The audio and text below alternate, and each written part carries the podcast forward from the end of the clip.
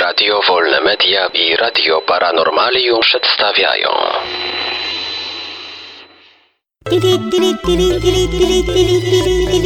Dziwne informacje.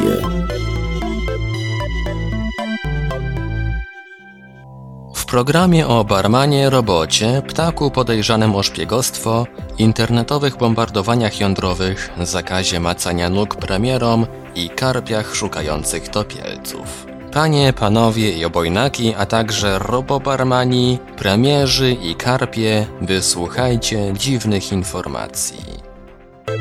Robobarman miesza drinki i słucha zwierzeń. Karl, humanoidalny robot barman, zaprojektowany przez niemieckiego inżyniera Bena Scheffera, nie tylko miesza alkohole, ale i nawiązuje kontakt z klientami Robots Bar Lounge w Ilmenau. Karl powstał z części nieużywanych już robotów przemysłowych KUKA. Według Scheffera bar jest lepszym poligonem doświadczalnym dla sztucznej inteligencji niż laboratorium. Obecnie opcja rozpoznawania mowy robota nie działa zbyt dobrze, więc robot głównie słucha, co w pracy barmana ma kluczowe znaczenie. Tak podejrzany o szpiegowanie na rzecz Izraela.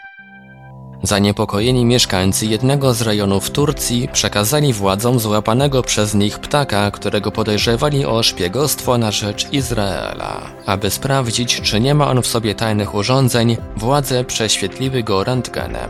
W wyniku tej procedury w ciele ptaka nie znaleziono żadnych mikroprocesorów lub podsłuchów. Ostatecznie podjęto decyzję o wypuszczeniu ptaka na wolność. Bombardowania jądrowe w internecie.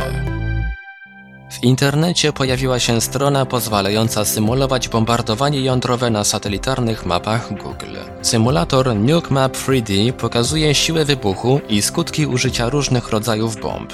Użytkownik może wybrać miejsce wybuchu, moc bomby, załączona jest lista rzeczywiście istniejących pocisków i nacisnąć przycisk, aby zobaczyć skalę zniszczeń.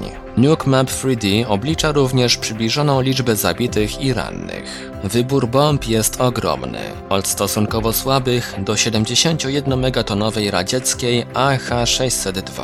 Skala zniszczeń na skutek użycia tej ostatniej jest porażająca.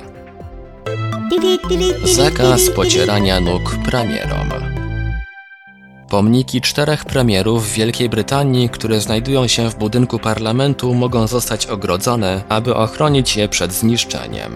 Przesądni politycy wierzą, że dobre wystąpienie w parlamencie zależy od potarcia rękoma nogi jednego z posągów, przykład Winstona Churchilla lub Margaret Thatcher. Nie podoba się to kuratorowi Pałacu Westminster, który uważa, że szkodzi to pomnikom. Na razie zdecydowano o postawieniu tabliczek zakazujących dotykania. Jeśli to nie pomoże, pomniki zostaną ogrodzone w taki sposób, aby nie było można ich dotknąć. Karpie będą szukać topielców.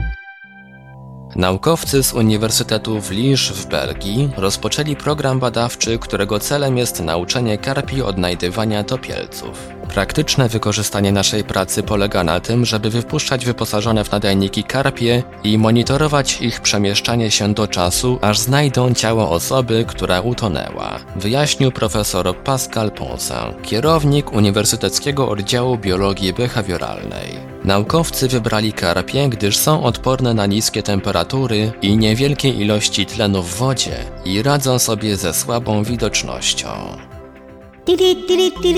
Dziwne informacje. Wiadomości czytał Ivelios. Wybór informacji i montaż Maurycy Hawranek. Podkład muzyczny Protologic.